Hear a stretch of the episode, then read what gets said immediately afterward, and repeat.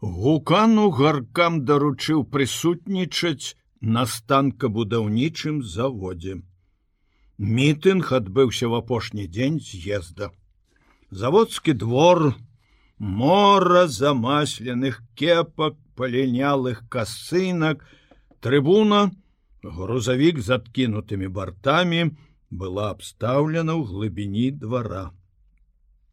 Рашэнне два з'езда аб кульце гукан прыняў параўнаўча спакойна. Была кароткая разгубленасць, але ні ў якім разе не спалох. Магчыма, усе іншыя пачуцці перамагла тады сенсацыйная цікаўнасць. За пять год умацавалася перакананасць у тым, што культ сапраўды прынёс шкоду. І ён гукан зусім шчыра гаварыў пра гэта ў сваіх дакладах і выступленнях. І здавалася яму, гэтак жа шчыра змагаўся за адраджэнне ленінскіх норм кіраўніцтва і жыцця. Рашэнне гэтага 22 з'езда, Ён таксама прыняў як заканамерную з'яву. Але калі на мітынгу першы ж пасля сакратара парткама Тарас ганчароў нечакана прапанаваў знесці заводскі помнік, Семён парфёнович неяк балюча скалануўся і спалохаўся. Не так даўно ён адкрываў, гэты помнік. Ведаючы, што ганчароў прыёмны сын яраша, ён адразу падумаў адна хеўра анархісты. Яму варта было выступіць, ён не выступіў, не ведаў, што сказаць. Адпусціўшы машыну, пайшоў пехатой па вуліцах, якія забудоўваліся пад яго кіраўніцтвам. Ён падумаў пра гэта, што амаль увесь новы горад будаваўся пры яго удзеле под яго кіраўніцтвам.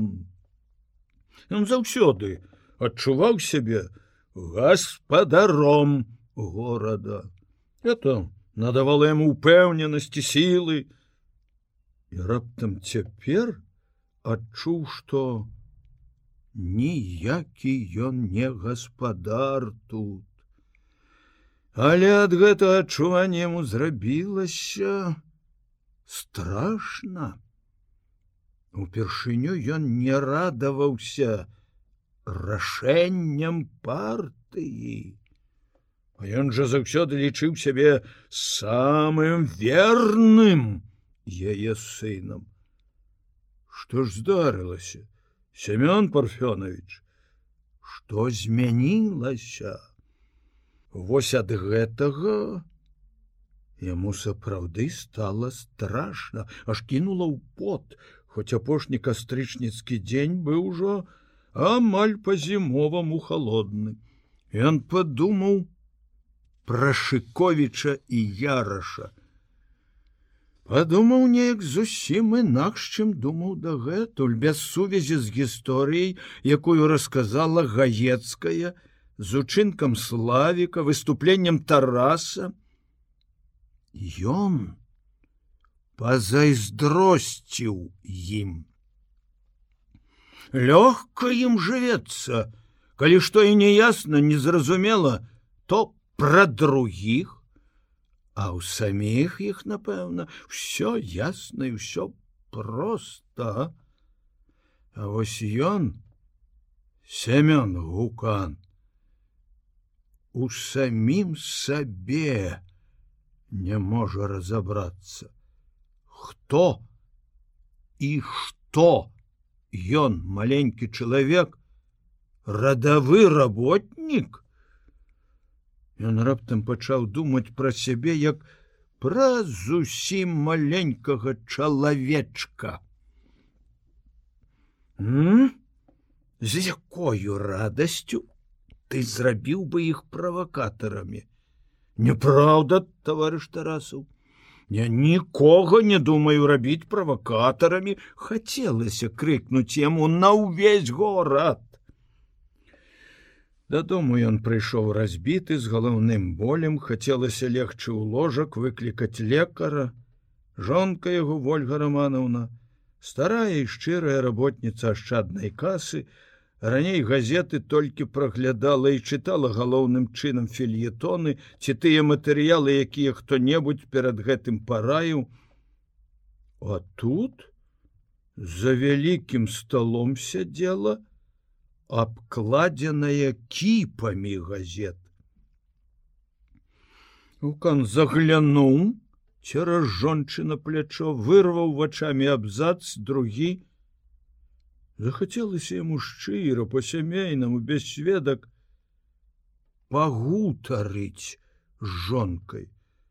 І яна на яго думку не надта разумная, аднак па-жаночы чулая, За 30 год добра вывучыла яго не аднойчы ў цяжкую хвіліну суцяшала, можа і цяпер зразумее, як нялёгка яму.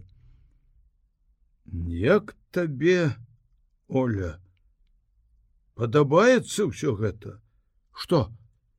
Ну с культам. А что?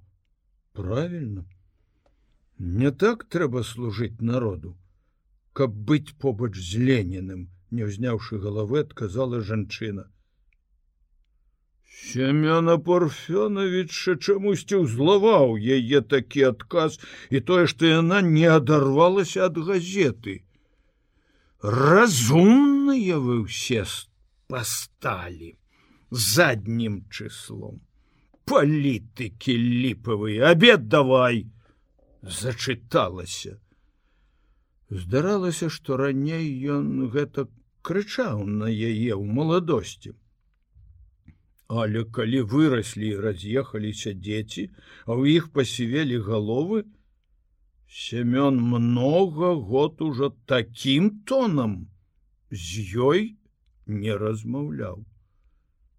Ольга Романовна здзівілася, пільна паглядзела на мужа, Яна не разумела яго, чаму ён у такой злосці, калі ўвесь народ радуецца. спытала: « Што здарылася, бацька? Непрыемнасці. Яму зрабілася няёмка, ён памякчэў. Ніякіх непрыемнасцей няма, стаміўся. У сэрца коля, прымі валідол, паляжы пакуль я згатую что-небудзь я сапраўды зачыталася ляжаць семён парфёнович не здолеў лекара не выклікаў пахадзіў па трох пакоях сваёй кватэры пачытаў газеты паглядзеў па тэлевізары канец нейкага замежнага кінафільма нічого не зразумеў зноў вяртаўся ў думках да заводскага мітынгу. Ён не дапускаў думкі, што не згодзен з рашэннем з'езду. Не, ён згодзен. Але ўсё-таки здавалася яму нешта рабілася не так. Асабіста ён так не зрабіў бы. Вось хаця б с помнікамі гэтымі. Прыгадалася, што помнік на плошчы рабіўся ў першы год яго старшынства. Ён, гаспадар горада, прыклаў столькі энергіі. Было ўрачыстае адкрыццё свята, мітынг. Ён казаў прамову і прамова яго была адной з лепшых. Праўда, напісаць яе дапамог Шковіч. Ён гукан, пазваў і той адразу ж з'явіўся сеў за працу быў парадак. А цяпер? Той же шыковіч сярэдні журналіст. Паводзіць сябе бог ведае як усё хоча перавярнуць да гары нагамі. Моцна кальнула ў сэрца семён парфёнович прыціснуў руку да грудзей быццам жадаючы падтрымаць яго сваё патрывожанае сэрца.